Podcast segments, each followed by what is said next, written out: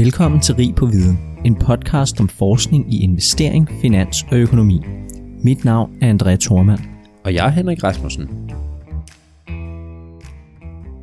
I Danmark der er flere af de største og mest succesfulde virksomheder ejet af erhvervsdrivende fonde. Det gælder blandt andet Novo Nordisk, Carlsberg, Mærsk og Lundbæk.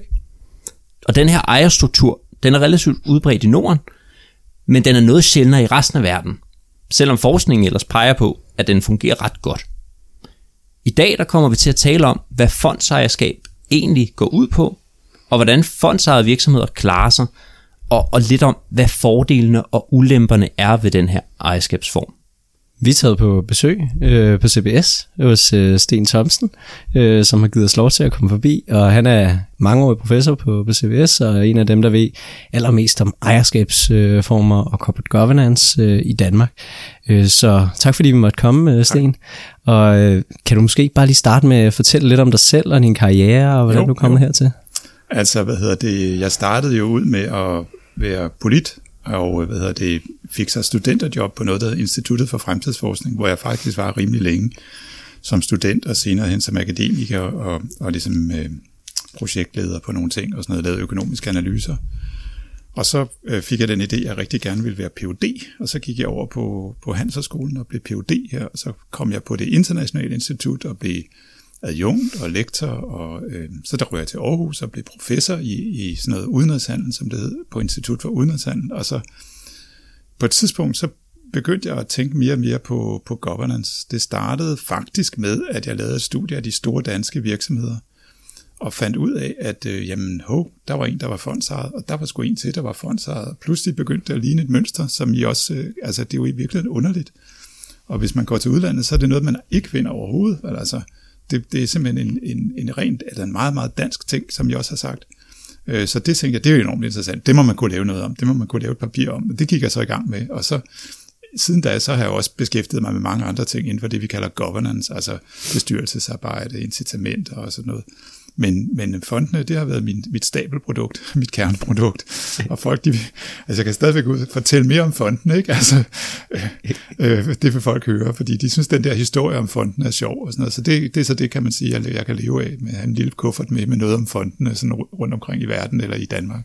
Så det er også en god niche, du har fundet dig. Altså hvis man går ind og søger på Google på foundational ownership, ja så er der stort set ingen international øh, forskning på området. Det, det er kun dig næsten, ja. øh, og du bliver også citeret i, i Harvard-artikler og, og så videre.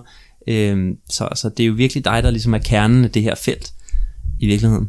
Og derfor er vi så glade for at komme på ja. besøg i dag. Hvad hedder det? Måske for at starte et eller andet sted, kan du så ikke prøve sådan overordnet at beskrive, hvad er en fond, og jo. hvad er der specielt ved det, jo, og jo, jo. hvorfor er det så dansk? Jo, jo.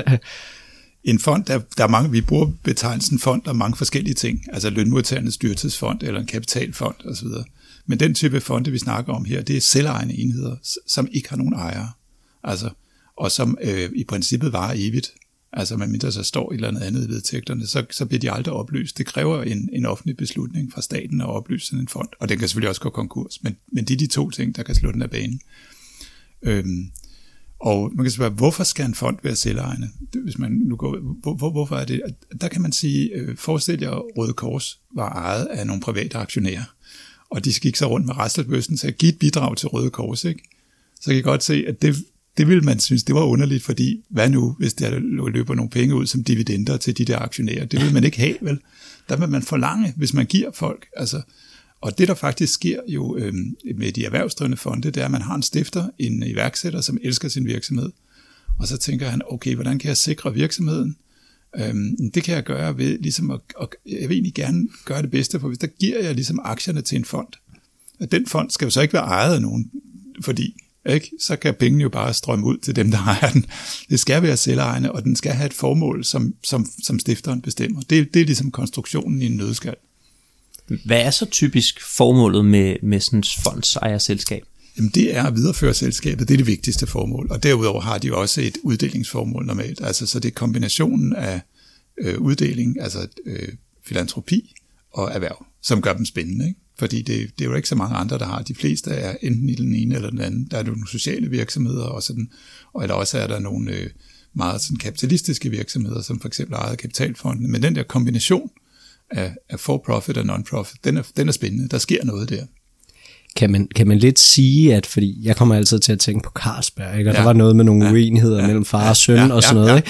Altså, kan man sige, at det ligesom er den gamle ejer, der, der selvom han ved, eller hun ved, vedkommende skal dø, men vil gerne have et eller andet bestemt formål Ja. fortsat for den virksomhed, Ja. og så laver man en, Ja. en fondskonstruktion. Ja. Er det, er det øh, altså på den måde, kan man sige det på den måde? Ja, altså det kan man godt sige. Altså, øh, du kan, hvis nu tænker øh, IKEA for eksempel, ikke? Altså, øh, så kunne man jo, han kunne jo godt have, efter han havde sønner, har sønner, og de har også fået nogle penge og, og en del af, af, af virksomheden. Men hvorfor ikke give dem det hele? Og der tror jeg, han har sådan set været, han har tænkt, hold op, jeg har fundet på noget helt genialt her med IKEA, og det skal egentlig have lov til at fortsætte på sine egne præmisser, fordi jeg tror, det faktisk gavner verdenssamfundet. Øh, og øh, vi har også en masse mennesker, det er jo mange, mange ansatte, der pludselig er. Og tænk nu, hvis mine øh, sønner for eksempel bliver uvenner, eller sådan noget, ikke? eller tredje generation, der sker et eller andet, så kommer, så kommer der en idiot ind lige pludselig. Ikke? Altså, hvordan kan vi sikre det her livsværk? Det er mit livsværk, vi snakker om. Hvordan kan vi sikre det? Og han siger selv, øh, der er jo ikke nogen, der kan garantere en virksomhed evigt liv, men øh, man kan ikke beskylde mig for ikke at have prøvet. Og det er så fondskonstruktionen.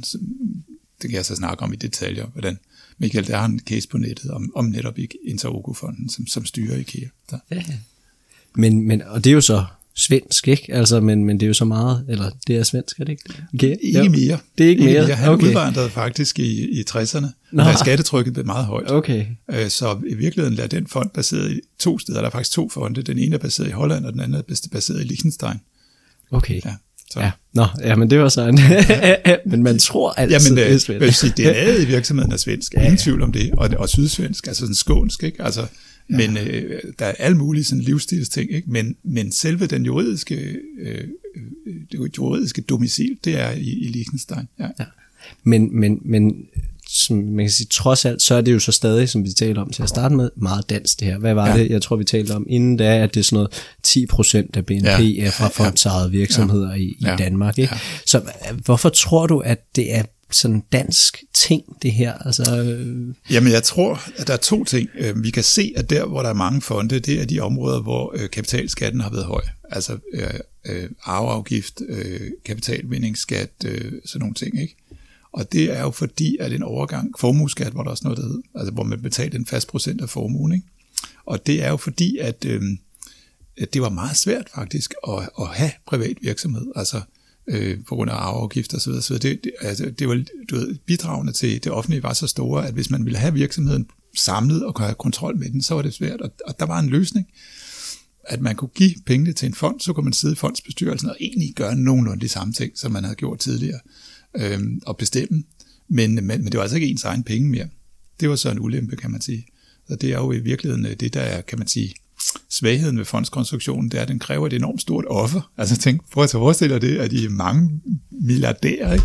og så skal I give alle jeres penge væk for, for virksomhedens skyld. Ikke? Altså, Ja, man donerer jo i virkeligheden ja. sin aktier Ja. eller sin Ja. ejerandel Ja, præcis. i virksomheden ja, til ja, den her præcis, fond. Ikke?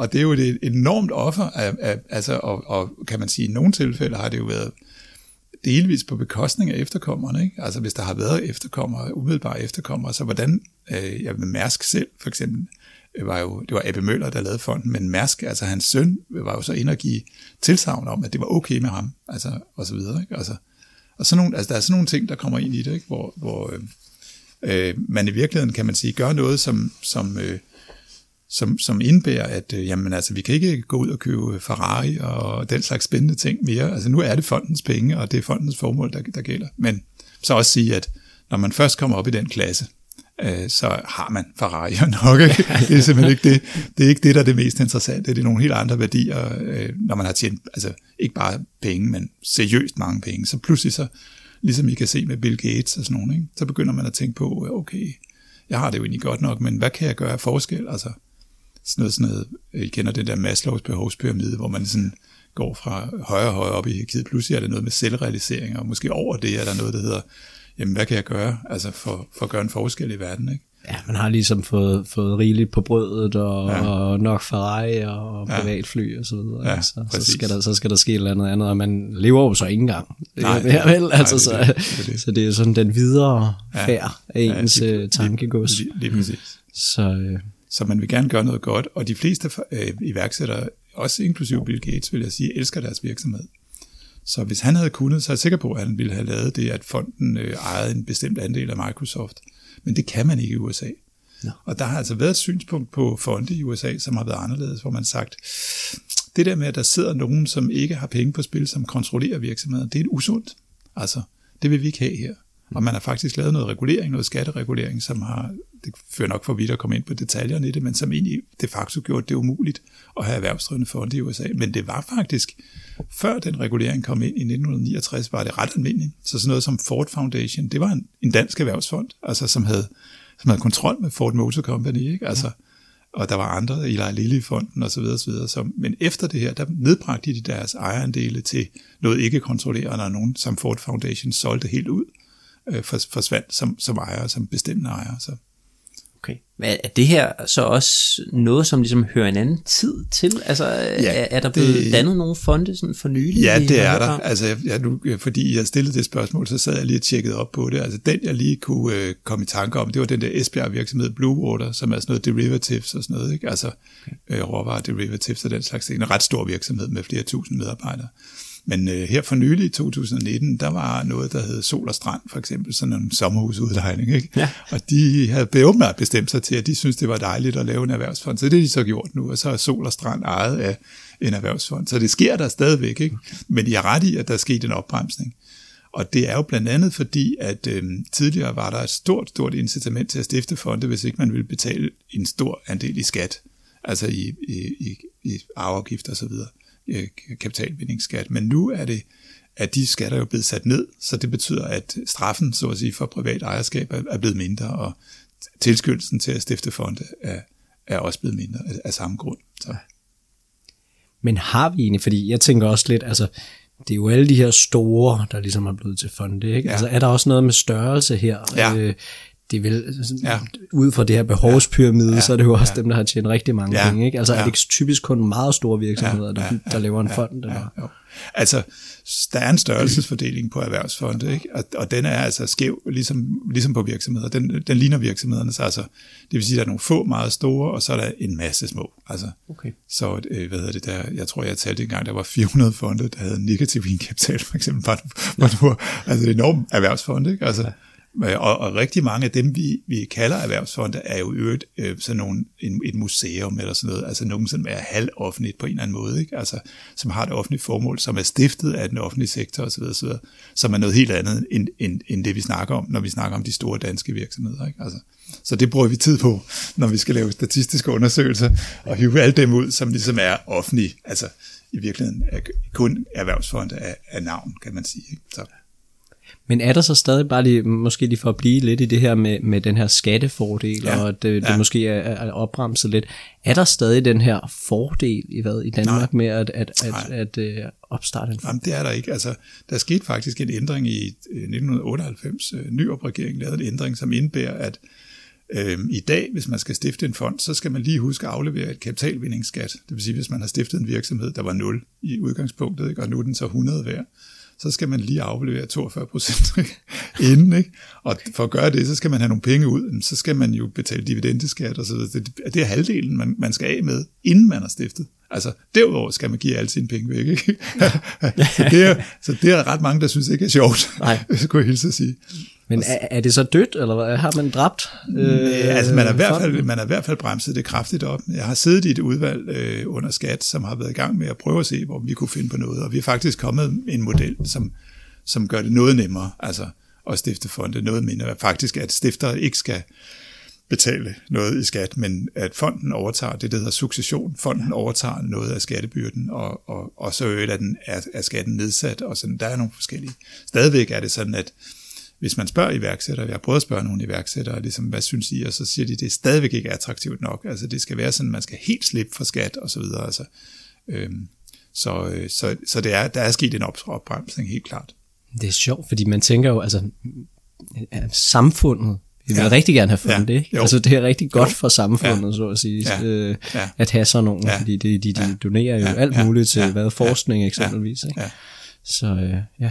Men der er også et hensyn, der hedder, at vi skal også have nogle penge ind, krasset ind i skat. Ikke? Og der er så afgifter, de der ting, det er sådan ting, og det vil man helst ikke slippe for, så at sige. Det, det, jeg mener personligt, at det er meget kortsigtet, hvad man får, så får ud af det der langsigtede ejerskab, hvor de bliver jo i Danmark og deler penge ud til gode formål og alt det der. Det er meget kortsigtet, men, men holdningen er lidt, at, øh, at øh, ja, øh, det er, du ved, de skal ikke have det for godt. Ikke? Altså, så, ja. Mm. Ja. Så udover det her med, med skatten, er der så ellers nogen sådan fordele og ulemper ved, at en virksomhed ligesom er, er ejet af en fond, altså i forhold til selskabsledelse? Og... Ja, altså det er der jo, altså hvad hedder det, hvis man kan, øh, ligesom, altså øh, det nemmeste, det er at starte på negativsiden, altså fordi det kan vi alle sammen se, okay, der sidder nogle mennesker, som ikke har nogen penge i klemme, altså ikke noget, de har ikke hånden på kogepladen, som, eller skin in the game, som man siger på engelsk. Ikke? Altså, øh, og de sidder så og bestemmer over en kæmpe stor virksomhed, ikke? og øh, øh, det kan være godt at give dem nogle incitamenter. Ikke? Hvor er profitmotivet henne? Ikke? Og Adam Smith fandt jo på, at det profitmotivet, det er det, der driver bageren. Der, grunden til, at han, han bager det gode brød, det er jo ikke fordi, han er, han er jo ikke røde kors, men han ved, at hvis han gør det, så kan han sælge nogle flere varer, så går det ham selv bedre. Mm. Så profitmotivet ligesom, de, disciplinerer ham til at gøre nogle gode ting. Det er jo virkelig en kernen i markedsøkonomien, at profit. Og hvor, hvad sker der så, hvis vi pludselig sætter det der motiv i stå? Ikke? Altså, falder det hele så ikke i søvn? Det er en ting. En anden ting, hvis man tænker finans, det er jo, at øh, hvis man har nogle meget store projekter, så er det godt at kunne sprede risikoen ved at skaffe finansiering fra mange forskellige kilder. Så kan vi få kapitalomkostningerne ned. Men det kan de jo heller ikke, fordi de vil gerne have kontrollen, ejerkontrollen med virksomheden. Så kun via AB-aktier og sådan nogle ting, kan man ligesom gøre det og stadigvæk bevare kontrollen. Men stadigvæk, der er også en grænse for, hvor meget man kan det. Så. Og så er der noget, som vi kalder markedet for virksomhedskontrol, altså det der, der hedder, at hvis vi har en, en virksomhed, som er dårligt ledet, så bliver den snuppet, så er der nogen, der kommer og køber den og sparker ledelsen ud ikke? Og, og rationaliserer den. Det findes jo heller ikke hos fonde. Så det, det er nemt at se, at, den, at man ligesom overtræder kernereglerne inden for corporate finance. Ikke? Så det underlige er i virkeligheden, at de kører så forholdsvis godt. Altså, og det er det, der har været sådan ligesom en meget stor motivationsfaktor for mig at finde ud af, hvorfor er det egentlig, de kører så godt, når de teoretisk set skulle køre så dårligt. Lidt ligesom man siger, at øh, bilen ikke kan flyve. Altså, der er lavet nogle, øh, ingeniørerne kan regne på, at vingerne er simpelthen ikke store nok. Altså, så hvis vi tager de direkte effekter, men samtidig ved jo, at den, ved at den flyver, så, så, øh, øh, så, så, så ligger der en udfordring i at sige, hvad er det så, ligesom vi mangler i vores teori? Og jeg tror personligt, at, øh, at der er noget med, at øh, profitmotivet nogle gange kan være uheldigt. Altså det kan gøre, at virksomhederne bliver lidt kortsigtede, Øh, og øh, der kan også være ting omkring øh, formål. Altså, der er mange, der er motiveret af, at et formål som for eksempel øh, bekæmpe diabetes, for nu at tage vores store øh, øh, Novo Nordisk, ikke? Altså, det er der rigtig mange mennesker, der identificerer sig med. Altså, læger som sådan er jo ikke som udgangspunkt motiveret af at tjene penge. Så var de ikke blevet læger. Altså, de er motiveret af det at gøre noget godt for andre. Og, og de, øh, nogle af dem får så ansat i Novo Nordisk, og de kan, de kan ligesom forbinde deres medicinske etik, deres lægelige etik, at, det, at, de, at de er der for andres skyld osv. osv. Det kan de godt forbinde, og vi arbejder for et godt formål. Ikke? Og det er så en ting. Og en anden ting er øh, det langsigtede. Altså, det der med, at, at øh, en, en virksomhed, der ved vi, en familievirksomhed, når sønnen arver den, så er der altid en risiko for, at, at han er en kejle. Ikke? Altså, Øh, og, øh, og hvis ikke han, så er den næste generation, eller det er kun et spørgsmål om tid. Ikke? Altså, og der kan man sige, der er fondskonstruktionen god, fordi den ligesom øh, den neutraliserer det der. Øh, øh, så sidder der en bestyrelse, og den bestyrelse kan jo bestå af folk, der ligesom ved noget om det. Der kan man jo vælge de mest kompetente. Ikke? Det, det skulle gerne være ideen. Selvom det ikke altid sådan, det foregår i praksis, skal jeg så sige. Ikke? Fordi ligesom alle andre konstruktioner, så er erhvervsfondskonstruktionen, den har sine øh, fejl og mangler. Ikke? Altså blandt andet det, vi snakkede om før, men men også det der med, at hvad sker der, hvis nu at der kommer en dum formand, ikke? Altså, der har vi en af de største fiaskoer nogensinde i dansk erhvervsliv, der hedder Nordisk Fjer. Og det var en fondsejet virksomhed, ikke? Altså, som, hvor der kom en, den forkerte formand ind, som sad og manipulerede med dem, og pludselig så var der ikke nogen, der er ikke nogen checks and balances, der var ikke nogen, der kunne fyre ham. Selvom øh, hvis vi kiggede på aktiekursen, så var den meget lav på Nordisk Fjer. Jeg kan huske dengang, jeg havde læst om det der med øh, ved, øh, value investing, og den lå meget billig. Så tænkte jeg, tænkte jeg, så tænkte jeg skal vi ikke, øh, du ved, det kan godt være, at man skulle købe, ikke? Jo, altså, altså. sådan noget, ikke? Altså, fordi jeg synes egentlig, det var sådan meget gode, altså dyner og sådan nogle ting. Jeg tænkte, det, ja, det er sgu ret, der har vi faktisk noget i Danmark, som, Det skal man ikke altid har bruge, andre lande. Og så, så et godt produkt, ligesom, og sådan, øh, men øh, heldigvis så fik jeg ikke købt nogen, altså, fordi jeg havde nogle venner, som sagde, det der, det skal du altså holde dig fra, det er plumråden, ikke? Altså, men, øh, Klassisk value case. Ja, ja, ja, det kunne man sige, men det er det så ikke. Altså, der er også en grund til, nogle gange er der en grund til, at value er lav, eller at kursen er lav, ikke? Altså, ja. Det er en value trap, ikke? Jo, jo, lige præcis. Lige præcis. Nå. Men, øh, Men nu ellers, du nævnte jo ja. det her med, at, at det rent faktisk går ret godt for, ja. Ja. for fonds eget Ja. selskaber. Ja. Vi kommer selvfølgelig lidt dybere Ja. ned i Ja. det, men kan, kan du sige, hvordan er det, de klarer sig godt? Klarer de sig bedre end andre selskaber? Øh, ja, altså det gør de. Jeg vil sige, det store billede er, nej, de klarer sig ikke bedre. Men, men, men det, så det overraskende sådan set ikke, at de klarer, men de klarer sig lige så godt, stort set, når man tager højde for risiko og andre ting, så klarer de sig lige så godt. Ikke? Altså i nogle tilfælde, i Danmark ser det faktisk ud som om, hvis man bare tager de rå tal, så klarer de sig bedre. Altså, men det er jo også fordi, vi har nogle af de rigtig store, gode danske virksomheder, som trækker læsset, i hvert fald hvis man øh, vægter med størrelse, sådan, ikke? Altså, så, så, så trækker sådan nogle som Novo Nordisk og de store danske, de trækker sig ret, ret godt op. Ikke? Altså, Carlsberg tjener jo også penge, og så videre, og så videre ikke? Altså, så, selvom de måske ikke tjener helt så mange som Heineken, så er det stadigvæk en, en virksomhed, som, som er profitabel. Ikke? Så, Ja, og der er måske også nogle sektor biases i, at at de fleste af de virksomheder, der er fondsejet, ligger måske i nogle sektorer, der klarer sig ret godt. Altså Medicare for eksempel. Ja, altså det er en del af det, men, men man har dem jo også for eksempel inden for shipping, som jo er, er, er konkurrenceudsat, må man sige. Ikke? Altså, øh, så øh, jeg har prøvet at teste det der. Jeg tror i dag, at altså, jeg har fundet ud af, at der findes nogle brancher, hvor der er mange fonde. Som jeg selv siger, pharma er en af dem. Øh, men også, øh, hvad hedder det, øh, aviser. Nå. Altså rigtig mange dagblade er, er ligesom fondsejet, og øh, ingeniørfirmaer. Og hvis jeg kigger på de tre, så er det lidt, altså hvis man kigger på pharma, jamen så er det nok det der med at være langsigtet, øhm, at investere i forskning og udvikling, hvor man ikke har det der kortsigtede, at man skal betale dividender til nogen, der skal bruge pengene nu og her. Man, man kan virkelig være meget langsigtet. Øhm, så det er nok en, en ting, og ud over det ting, det jeg sagde før med, at man skal gavne andre, det passer ligesom ind i den medicinske etik, kan man ja. sige. Hvis vi så tager ingeniørfirmaer, hvad er det for nogen? Jamen det er virkelig sådan nogle partnervirksomheder, som er vokset så store. Og man kan godt selv have ligesom syv partnere, 10 partnere, men hvad med 500 partnere?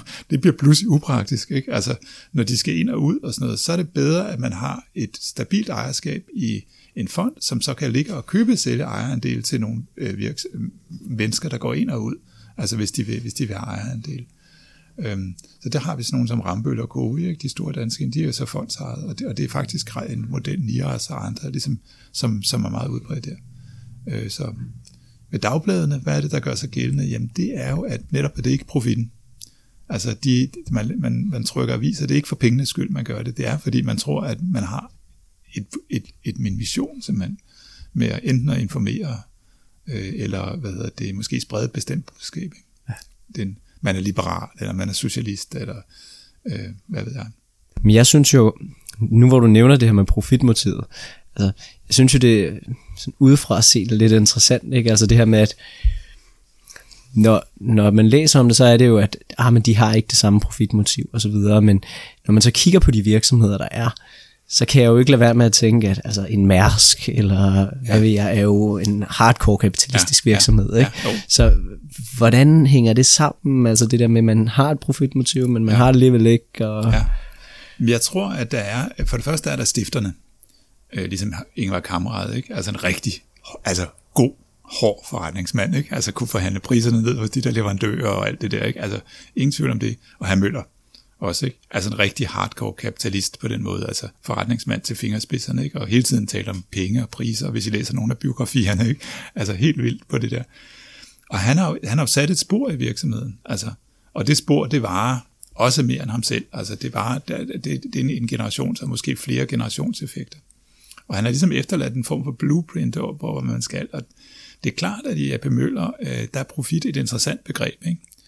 Og så har vi alligevel Novo Nordisk, som jo som, altså i virkeligheden jo blev stiftet som en fond oprindeligt, øh, fordi at man fik et patent på at lave insulin, ikke? som man så fik under den betingelse, at man skulle bruge, hvis der nu var noget overskud, så skulle man bruge det til patienternes bedste. det vil sige donationer ikke? og så videre. Øh, så der kan man sige, at det var så ikke været så meget, det, men til gengæld har de jo, øh, så, så skete der det, der var to brødre, der gik ud og lavede en, det, der var Novo, ikke?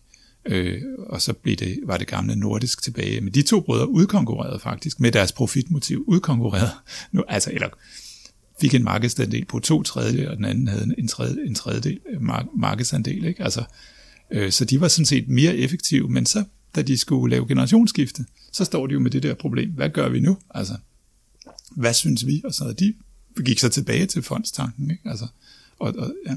Men de er jo også, fordi ejerskabet, selvom det er altså, primært fondsejet, ja. så er der jo også en hel masse ejerskab, mm. der er ude på kapitalmarkederne, ja. ikke? som jo har, altså, ja. Ja. Det, som Mærsk-aktionær, ja, ja. så er jeg, da, er jeg da rigtig glad for, at der er et profitmotiv, ja, ja, skal jeg sige. Ikke? Altså, sige, ja. og, og sådan er det jo også for alle de andre ja. virksomheder, for de bliver nødt til at servicere de kapitalmarkeder, ja. fordi det er ja. dem, som ja. de også skal have penge af, ja. hvis de skal ud og rejse noget kapital. Det er du fuldstændig ret i.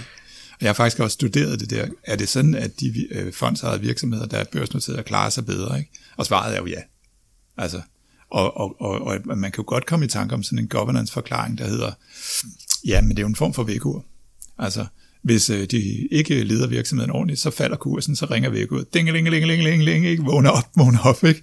Så begynder folk at stille kritiske spørgsmål, og så bliver fondsbestyrelsen pludselig, hov, det er det også rigtigt, vi må hellere tage os sammen, ikke? Altså, så på den måde, prøv at tænke på Novo Nordisk, altså her, da de, øh, det havde den der voldsomme kursnedgang for ikke så lang tid siden, der sker det, at øh, væksten på det amerikanske marked går ned, ikke? Altså fra 10 til 5 procent, tror jeg, det er sådan noget i den stil, ikke? Altså bliver halveret. Og hvis man laver, hvad hedder det, discounted cashflow og sådan noget, det kan man altså godt se, når vækstraten bliver halveret, ikke? Det ved jeg godt fra formlerne, ikke? Altså, og, øh, og det vil sige, så falder kursen jo, altså, øh, og, som afspejler den der forventede øh, vækst. Øhm, og så begynder virksomheden jo faktisk at reagere på det. Altså, øh, det signal, det hov, vi har ikke så mange penge, vi må hellere, og så vi må restrukturere, vi må gøre noget osv. Øhm, og øh, det morsomme er, at det er en virksomhed som Lego opdager næsten det samme på næsten samme tidspunkt. Væksten i USA går ned med 5%, men der er en helt anden reaktion på det, for der er ikke noget aktiemarked. Der, altså, det er en helt anden proces, kan man sige, og både på godt og ondt. Ikke? Altså, fordi det kan godt være, at der går måske lidt panik i folk, når de ser, at deres aktiekurs næsten bliver halveret, eller falder med en tredjedel, eller sådan noget. Ikke? Altså, og måske lidt for meget, men på den anden side sker der jo noget. Altså, der bliver udløst nogle mekanismer, som gør, at de faktisk tager højde for, at de er i en ny situation, og må hellere tage sig lidt sammen. Ikke? Så man kan egentlig sætte kombinationen ja. af de to ting, ja. altså ja. selvfølgelig være profit ja. øh, drevet som altså alle øh, stort set øh, kan man sige øh, profit for profit virksomheder ja. er, ikke?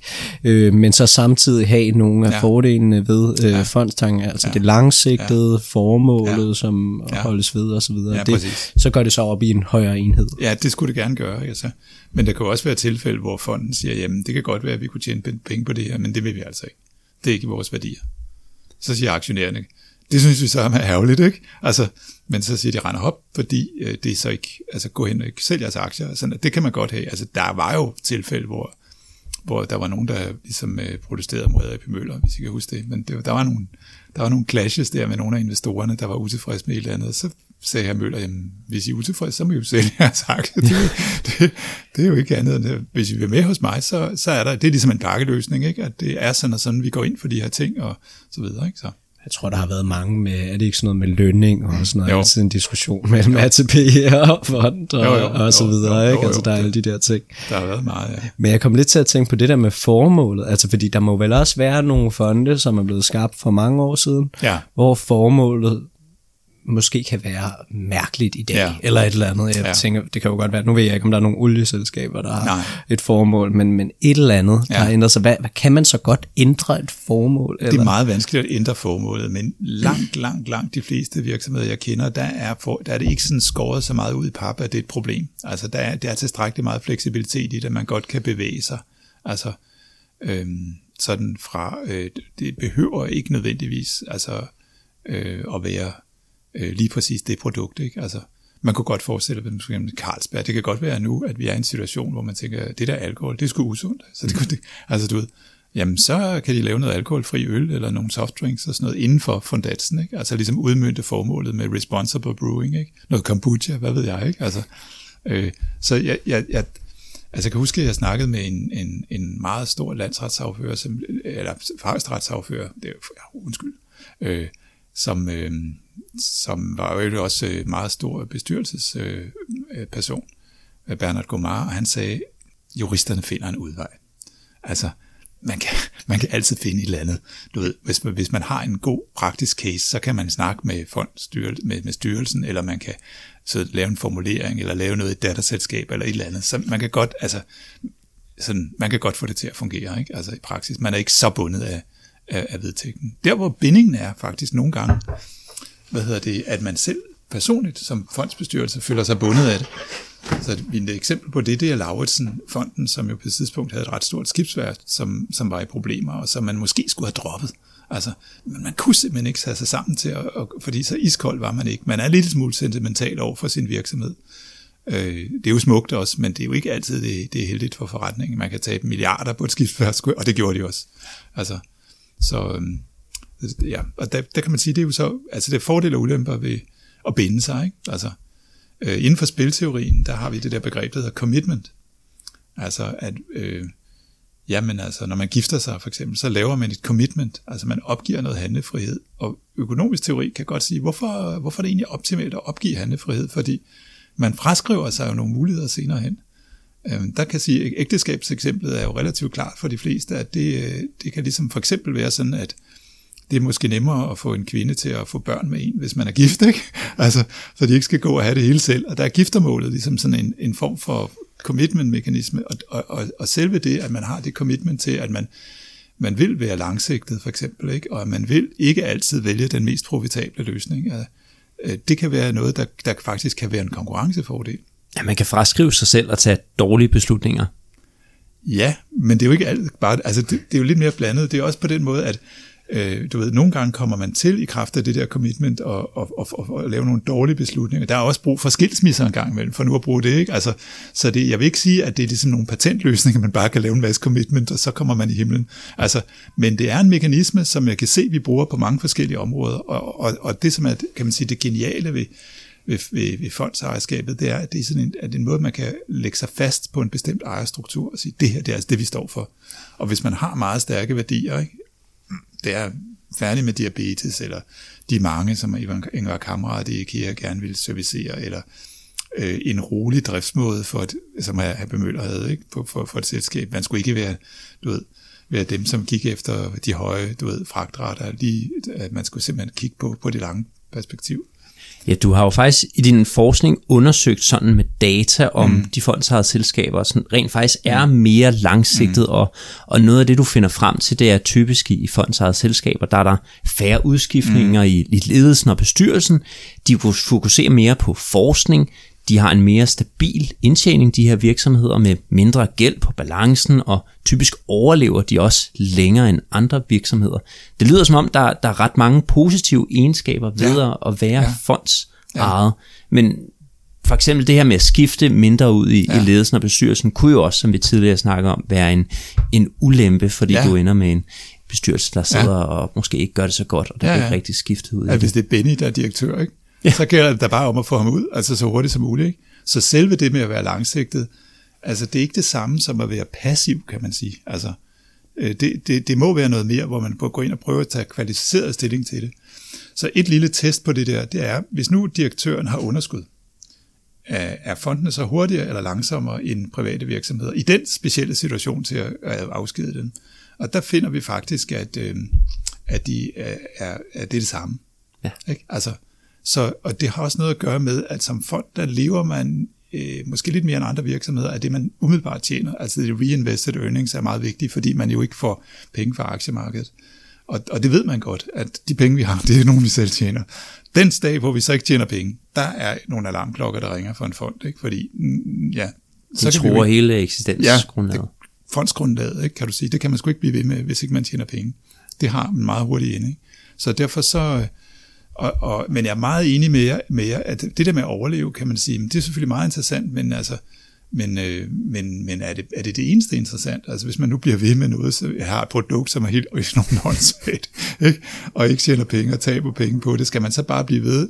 Det skal man vel ikke. Altså der er vel også, for eksempel hvis man nu tager skibsværfterne i Danmark, der, de var fondsejet, mange af dem, der sådan et shipping, altså øh, øh, det var, på et tidspunkt var det meget moderne, hvis man havde en stor shippingvirksomhed, så skulle man have et, et skibsværft, ikke?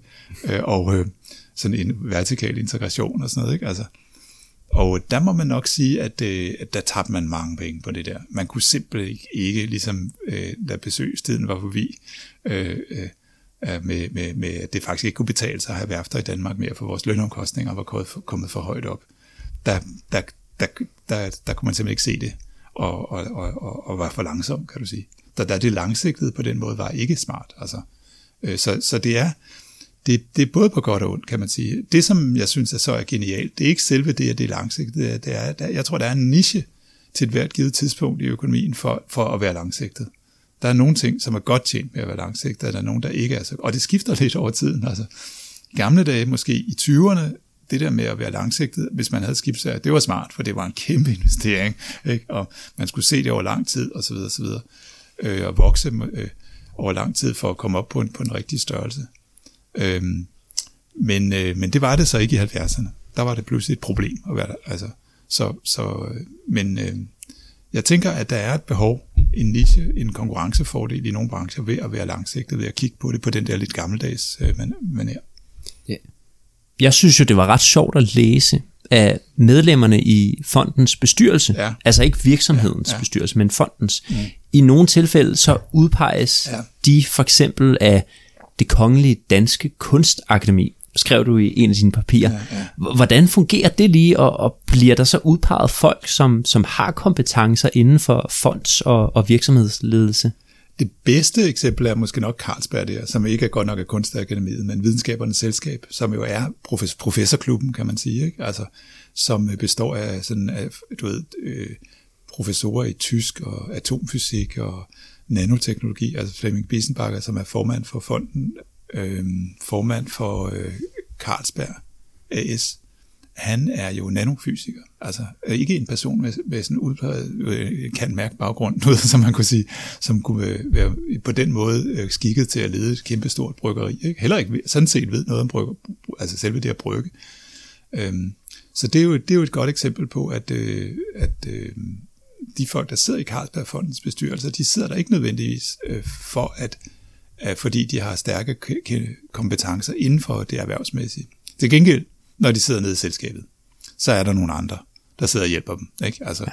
Så de kan, ligesom i en familievirksomhed, så sidder ejeren der, øh, det er så i det her tilfælde Carlsbergfondet, og så sidder nogen fra Carlsbergfondet, og så sidder der nogle professionelle, kan man sige, og så er det den ping-pong, der er mellem dem. Altså, og jeg tror da måske nok, at øh, hvis ikke Carlsbergfonden havde været der, så var de blevet fusioneret med den virksomhed, der hedder Orkla, som de havde sådan en strategisk alliance med på et tidspunkt. Og nordmændene troede helt klart, det var der ingen tvivl om, at, at de var på vej over. Ikke? Altså, men det, der var de alligevel, det var så DNA'et i, i Carlsbergfondet, Nej, nej, altså det ville de sgu ikke være med til, og så videre. Så, så, øh, så det er også grunden til det, det at vi har Carlsbergfondet i dag.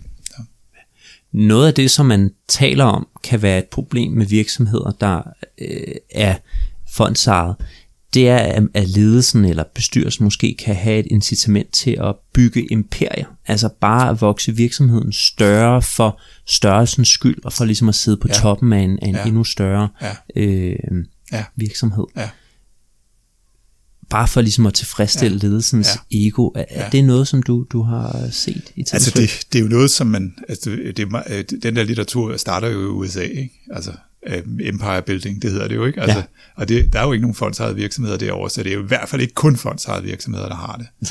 Jeg tror også, der er, der er andre typer virksomheder, der har det, hvor man har et, for eksempel et meget spredt ejerskab, og ikke har nogen hovedaktionær. Hovedaktionærens rolle er jo faktisk at kigge efter, at øh, bestyrelsen kigger efter, at direktionen ikke gør sådan nogle ting. Altså, men det er også rigtigt, at, øh, at der er eksempler, altså vi kan tage Novo Nordisk for eksempel, som tjente så mange penge, at der var plads til en lille virksomhed, der hed Novozymes, ikke? Altså, og der er så også plads til en lille virksomhed, der hed NNIT nu, ikke? Altså, og der er faktisk også en meget stor venture, hvor de har, jeg ved, jeg tror 100 forskellige venture-investeringer inden for bioteknologi, så der foregår jo sådan en spredning, ikke? Altså, øhm, og kan man sige, ja, altså det er selvfølgelig rigtigt på en måde, at det er udtryk for imperiebyggeri, men det er jo også, altså kan man sige, øh, måske udtryk for, at de mener, at de er gode til det der.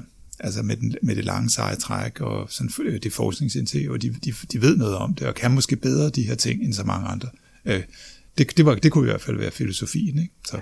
Og Novozymes og NNIT blev jo rent faktisk også skilt ud af, ja. af Novo Nordisk. Jeg ved ikke, om, om øh, Novofonden stadig sidder på en Jo, stor del af... Jo, de Det sidder, gør altså, det, det er jo lidt forskelligt. Jeg tror, NNIT er vist stadig halvdelen af ejet af Novo Nordisk, som så ejet af fonden, og så, ja, Præcis. ikke, øh, så Præcis. kommer man tilbage. Men jeg tænker bare, altså det er også fordi, nu ta- vi taler over om alle de ting. Vi kender jo de her virksomheder, Ja. og det er jo gode virksomheder. Ja, ja. Altså, jeg tænker jo, man tænker jo altså ud fra et eller andet risikoperspektiv. Ja. Altså, hvad nu hvis, og var Ja. der ikke den der, som også Ja. prøvede, og det Ja. var noget værre noget, Ja. ikke? Ja, jo. Øhm, det må der vel have været, men Jo, jo. nordisk fjer, hvad ved jeg, Ja, ja, ikke? jo, jo. Øh, øhm, men ja, man sige, du har jo lavet studier, der viser, at de performer stort set samme måde. Ja, de performer på samme, de, over, altså de overlever noget længere, og så de, de er forskellige, men selve den finansielle performance er nogenlunde den samme. Ikke? Jeg skal så lige sige, at der har faktisk været nogle studier fra Tyskland her, som, hvor de, øh, der er noget følgeforskning, som kommer op, som faktisk siger, at der er det lidt mere problematisk. Altså for eksempel et studie, der siger, at aktiekursreaktionerne, øh, hvis man har et, et, et fondsejet selskab i Tyskland, og så også har minoritetsaktionærer, hvis fonden øger sin aktie, eller rettere sagt reducerer sin aktieandel, sådan er resultatet, så, så stiger kursen. Altså, det, det kan aktionærerne godt lide, altså at minoritetsaktionærerne. Det er jo et udtryk for, at de tror, at der er mere profit i det, så at sige, hvis fonden er, har noget mindre, ikke? altså ej- ej- andel. Og der er også et studie for, øh, om, for ikke-børsnoteret primært, som siger, at, øh, at øh, return on assets er lidt i underkanten. Ikke, altså nogle gange signifikant, nogle gange ikke. Altså, men sådan svagt, svagt i underkanten, siger de selv i papiret. Så jeg vælger jo at sige, at øh, ja, det er jo virkelig en overraskende, at det så i den forstand kun er svagt i underkanten. Altså det er nogenlunde. Altså sådan en, med en grov generalisering, nogenlunde det samme. Ikke? Altså, øh, så, men det, fordi man kan jo godt forestille sig, at fra en fondssynsvinkel, der er det jo sådan set ikke indtjeningen, der er det vigtigste, det er overlevelsen, der er det vigtigste. Og det kan jo godt gøre for eksempel, at man siger, jamen, så må vi have noget mere indkapital, så vi er sikre på, at vi overlever. Og så hiver man jo afkastet på indkapitalen ned. Ikke? Altså, så, så, så, så der kan sagtens være sådan en trade-off mellem over, overlevelse som mål, og så rentabilitet som mål. Ikke? Så, Ja, du har jo også undersøgt sådan rent empirisk, ja, ja. om der er forskel Ja, på ja. rentabiliteten, altså ja, return on equity ja, og return ja, on assets ja, i fondsejede ja, selskaber. ja. Og du har også undersøgt aktieafkastet Ja, ja, øh, i ja, fondsejede ja, selskaber. ja, Kan du ja. fortælle lidt om resultaterne af de undersøgelser? Jamen altså, generelt set så vi- viser de, at der ikke er noget forskel øh, på danske skandinaviske data. Der, der er ikke signifikant forskel. Okay. Og det er fordi, der er så mange ting, andre ting, som påvirker afkastet, og også numerisk ligger det i samme, øh, du ved, øh, samme område. Så øhm, øh, lige nu, altså de, de seneste tal, jeg har fra Danmark, de siger sådan set, at, som jeg lige sagde, at de faktisk overperformer lige nu. Ikke? Altså, men jeg, altså, det er måske en, en sjov konklusion, kan man sige, øh, at måske tager de noget mindre risiko, og så har samme afkast, ikke? Altså, jamen så er man jo finansielt set bedre, og det, det bruger jeg så ligesom til at, og, til, til, til, til at ligesom imponere rakket i på Finansieringsinstituttet, eller hvem det nu er. Ikke? Øh, Det er sjovt, synes jeg. Men det, det rigtige er jo nok, at, at det er i samme niveau, og det er virkelig det, som er som betyder, at det er en bæredygtig model. Sådan kan man godt organisere virksomheder. Det er ikke til skade for virksomhederne. Nogle gange kan det være en fordel, nogle gange er det en ulempe, men netto er det ikke hverken det ene eller det andet. Det, det er sådan, jeg selv vælger at se det. Ja. Okay. Jeg tager jo altid chancen for at tale lidt om bæredygtig investering Ja. og ESG. Ja. Og mange af de her fonde, de ejer jo ofte aktiemajoriteten Ja. i virksomheden, Ja. for ligesom at bevare kontrollen, Ja. ofte med de her A-aktier, som vi ser hos Mærsk for eksempel, som giver flere stemmer end, end B-aktierne. Ja. Og det tror jeg måske mange analytikere af, af selskabsledelse og ESG Ja. vil sige er lidt problematisk for mindretalsaktionærerne, Ja. da de får svært ved ligesom aktivt at, at påvirke selskabet Ja. på Ja. generalforsamlingen. Bør man som analytiker i stedet være mere optimistisk, når man kigger på et selskab, hvor aktiemajoriteten ejes af en, af en fond, også hvis, hvis fondene, som, som du nævner for eksempel, ikke har det her motiv om at, at maksimere profitten, som, som mange andre aktionærer ellers vil have. Jeg tror, at man, jeg tror, man, man må sige det, hvis nu tager konsekvensen af de ting, jeg har fundet ud af, så man sige, det, det er ikke i sig selv dårligt eller godt, at, at, at aktiemajoriteten ligger hos en fond. Men man kan, jeg tror godt, man vil kunne se nogle situationer, hvor det for eksempel er de der farma, altså hvor man kan sige, der er, der er simpelthen en idé i det her, altså at hvis, øh, hvad hedder det, øh, øh hvis vi gerne vil blive ved med at have den her virksomhed på danske hænder for eksempel, eller vi gerne vil, vil altså hvis, hvis, der, hvis det er godt at have lidt koncentreret ejerskab, som kan gå op mod bestyrelsen, det er jo i mange af de der store amerikanske virksomheder, der er jo ikke nogen, der er ikke nogen majoritetsaktionærer i de farmavirksomhederne, som kan gå ind og fyre bestyrelsen. Så derfor er det sådan, at øh, det er den daglige ledelse, der bestemmer det hele, ikke? og de kører med klatten med deres MPF. og jeg ved ikke, om vi kan huske, men der var en af dem, som ville lave sådan en tax inversion, flytte til Irland, ikke? Altså, ikke? Og, og så kunne de score penge, så kunne de sætte, du ved, reducere skatten, ikke? og Obama var nødt til at gå ind og sige, ej, nu må I, nu må I simpelthen tage jer sammen, ikke? altså dreng, det her, det er, alt, det er for profitorienteret, ikke? Mm. altså, øhm, der kan man sige, det er lige præcis sådan noget som det her, det er noget, sådan, som en fond vil være lidt mere påpasselig med. Altså, de er sådan lidt mere ansvarlige. Og, og i dag, hvor investorerne, som du siger, lægger så meget vægt på ESG, ikke? der rimer det faktisk rimelig godt med tidsånden. Ikke? Øhm, ja. Så det er ikke, jeg vil, jeg vil sige, at, øh, at øh, det kan godt være meget fint, at man som investor lægger sig lidt op af en fond, piggybacker lidt på en fond og siger, okay, det, de, vi ved, de er sådan langsigtet ansvarlige ejere, og selvfølgelig skal vi kigge på, hvad der foregår i forretningen. Det, det skal man, altså. Fordi øh, det forhold, at man har været god på et tidspunkt, det er jo ikke ens betydende med, at man bliver ved med at være god. Det, man skal hele tiden være på tæren. Der er noget, der hedder konkurrence og sådan noget. Men, men, øh, men for så vidt som, at man, man øvrigt synes, det er fornuftigt, så, så tror jeg, at det, altså, jeg tror for eksempel Novo Nordisk, at nu er jeg selv Novo Nordisk professor, så jeg skal passe lidt på, at jeg ikke ligesom, men at, hvis jeg kigger på, altså hvor de og deres fremtid, ikke?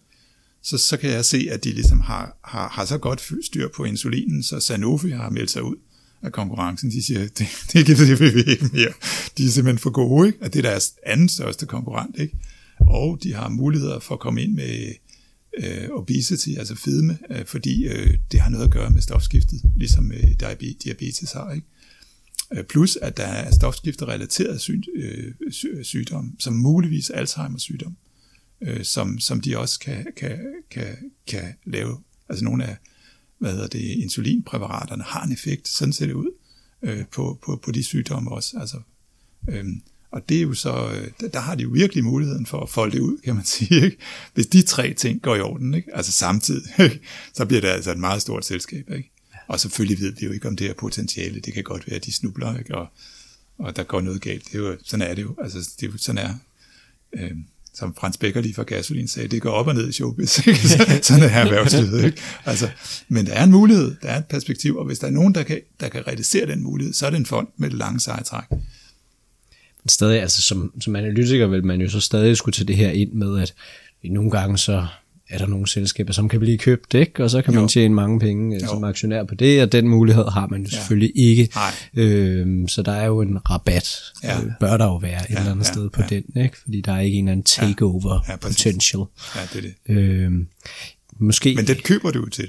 Husk det. Ja, ja. Altså, at det kursen er lavere. Kurs indre skulle teoretisk, eller price earnings skulle teoretisk set være lavere på grund af den rabat. Så det er egentlig ikke sådan sat afkastet som sådan, det er inkluderet, kan man sige, fondsejerskabet er tilbage diskonteret i, i forventningerne. Ikke? Altså, ja. ja, så skulle din yield ja. i virkeligheden måske være højere. Ja, ja. Ja, ja, ja. Så det, men, men kursmæssigt så er der så bare den rabat indregnet, ja. kan man sige. Ikke? Ja, det, altså, ja, du kan ikke spekulere i, at de bliver opkøbt. Nej, nej, altså det, det, nej. det, det kommer jo ikke til at ske. Men altså, ja, det ved jeg ikke. Altså, det, der er jo faktisk tilfælde, hvor øh, fonden må snide håndklædet i ringen, ikke? og det gælder navnligt der, hvor de er blevet svækket. Så Henriksen plus Henrik H plus O for eksempel, ikke, var jo en fondsejet virksomhed, ejet af Plumfonden. Ikke? Altså, der er, der er sådan, det, det sker. Altså, så selvom, selvom jeg og andre gerne ville have, at de levede evigt, at det, sådan er det ikke. Altså, erhvervslivet er hårdt, ikke? det er konkurrencepræget, der bliver lavet fejl og, og sådan noget. Ikke? Altså, og, og nogle gange går de i konkurs. Ikke? Altså, hvordan, hvordan kan man så det? Når... Den måde, man gør det på, der laver man selvfølgelig en rekonstruktion af selskabet, øh, hvor der kommer nogle nye investeringer, og de får jo så aktiemajoriteten, eller øh, en væsentlig del af aktierne i hvert fald, ikke? og så pludselig er, er fondsejerskabet glædet. Ikke? Altså, det, det er en, en vigtig en, en, en måde. Ikke? Og, og ofte sådan, så, at hvis bankerne siger, at vi har et, nogle store lån, som er ikke helt så gode, som de har været, så konverterer vi dem til egenkapital også. Ikke? Altså, og så hvad hedder det, sidder vi pludselig, og så skal vi jo så af med det, hvis man er bank. Man må ikke ligge med det der kontrollerende indflydelse i virksomheder, så, og vil heller ikke, vil heller ikke, det er ikke forretningsmodellen så skipper man det af til nogle andre, som så jo så bliver hovedaktionærer. Så. Altså en redning fra en konkurs, så, ja. kan, så, så kan et, et fondsejerskab godt glide på ja, den måde. Ja, det gør det. Det gør det. Og det er, også, det er der masser af eksempler på. Altså. Ja. Og der er nogle få eksempler på, at en bestyrelse har sagt, øh, at øh, nu vil vi i en fondsbestyrelse, det vil vi simpelthen ikke mere. Øh, der har vi øh, Aarhus Universitets Forskningsfond og Cheminova. Der øh, sagde de, hvorfor skal vi, altså vi er jo et universitet som udgangspunkt, vi skal gavne universitetet, ikke? Altså, hvorfor skal vi blive ved med at holde en kemivirksomhed, du ved, som er forurenende, og der er en mulig ballade med det, og at det er jo virkelig, øh, så vi vil gerne skifte den af. Og der lykkedes det dem faktisk at få skibet den af, selvom der stod i vedtægterne, at det må I ikke. Der havde stifteren betinget sig. Og der vil vi nok sige i dag, altså det var nok en fejl, at fondsmyndigheden tillod det. Altså det var egentlig et brud på, øh, på kontrakten, kan man sige, den kontrakt, som stifter havde indgået med, med, med fondsmyndigheden om, at I skal altid kigge efter, at man lever op til fondatsen. Ikke? Øh, så, øh, men, men, men, men det skete, de fik lov til at sælge. Så, så det sker også. Der er også nogle få tilfælde, at man har, man har, man har, man har fået lov til at sælge, og virksomheden er gået videre. Eller øh, Black Welcome. Der var Welcome-fonden, der faktisk havde øh, en meget stor del af Welcome-virksomheden, og som valgte at sige, vi har majoritet i den her virksomhed, men hvis vi skal videre, man havde et produkt, der hed Retrovir, som var det bedste AIDS-produkt nogensinde. Øhm, og hvis vi skal videre, hvis vi skal rulle det her ud, så skal vi op i en anden skala, og der er det godt for os ligesom at være mere kommercielle, og så valgte at solgte de, og de fik enormt mange penge ud øh, til Welcome-fonden, som så er en, en gigafond, som øvrigt er blevet reinvesteret ret godt, så nu fonder de en meget, meget stor del af den engelske lægevidenskabelige forskning, ikke? Så med, med de penge der. Når vi nu kigger fremad sådan, håber du så, der kommer flere fonde, eller ser du en trend om, at øh, udlandet begynder at, kigge lidt øh, til, til Danmark, som jo bliver mere og mere populært i, i nogle lande? Og, altså... det, det, det, det, det tror jeg faktisk, at øh, det håber jeg også vil ske, for jeg tror, at der er en musik i, altså der er noget værdifuldt i fondsmodellen. Men, men jeg vil med det samme sige, at øh, hvis nu man forestiller sig, at der kom noget lovgivning, ikke? Øh, nu skal alle fonde være, være, være hvad hedder det, øh, fond, alle virksomheder være fondsejet, det vil være et mareridt for mig. Altså, så det vi snakker om, det er, at det er sådan en model, der ligesom familieejerskab eller investorejerskab ligesom skal prøves af hele tiden af konkurrencen, og når man så laver en fejl, så går man ud, og så de relative markedsandele på de forskellige ejerformer, kan man sige, det, det, det vil nok konvergere derhen, at hvorfor er der rigtig mange andelsvirksomheder, for eksempel inden for landbruget, altså landbrugsrelateret, det er nok fordi, at der er et eller andet, de kan med det der, som er godt, som er værdiskabende. Øh, de, de, de, der er ikke ret mange private tilbage inden for det der. Der er også nogle andre sektorer, hvor det jo har nogle specifikke ejerformer, som er, som er konkurrencedygtige der. Det er jeg sådan set tilhænger af. Ja, så der er også et marked for ejerformer, der ja, også skal være ja, efficient. Ja. ja, det kan du sige. Bortset fra, at det ligesom ikke er sådan, at man køber og sælger nødvendigvis. At det er nok mere konkurrencen på varemarkedet, der ligesom gør, at nogle steder vokser de frem, ikke? og nogle andre vokser. Sådan, ja. Med det så tænker jeg ellers, at vi, vi runder lige så langsomt af. Det var en øh, fornøjelse at, at have dig inde i, ja, i studiet, Sten. En fornøjelse at snakke være på, Være på dit studie. Ja, tak fordi du måtte komme i hvert fald. Tak for det. Tak fordi du lyttede med til Rig på Viden. Vi håber, du blev klogere og vil lytte med en anden gang. På genhør.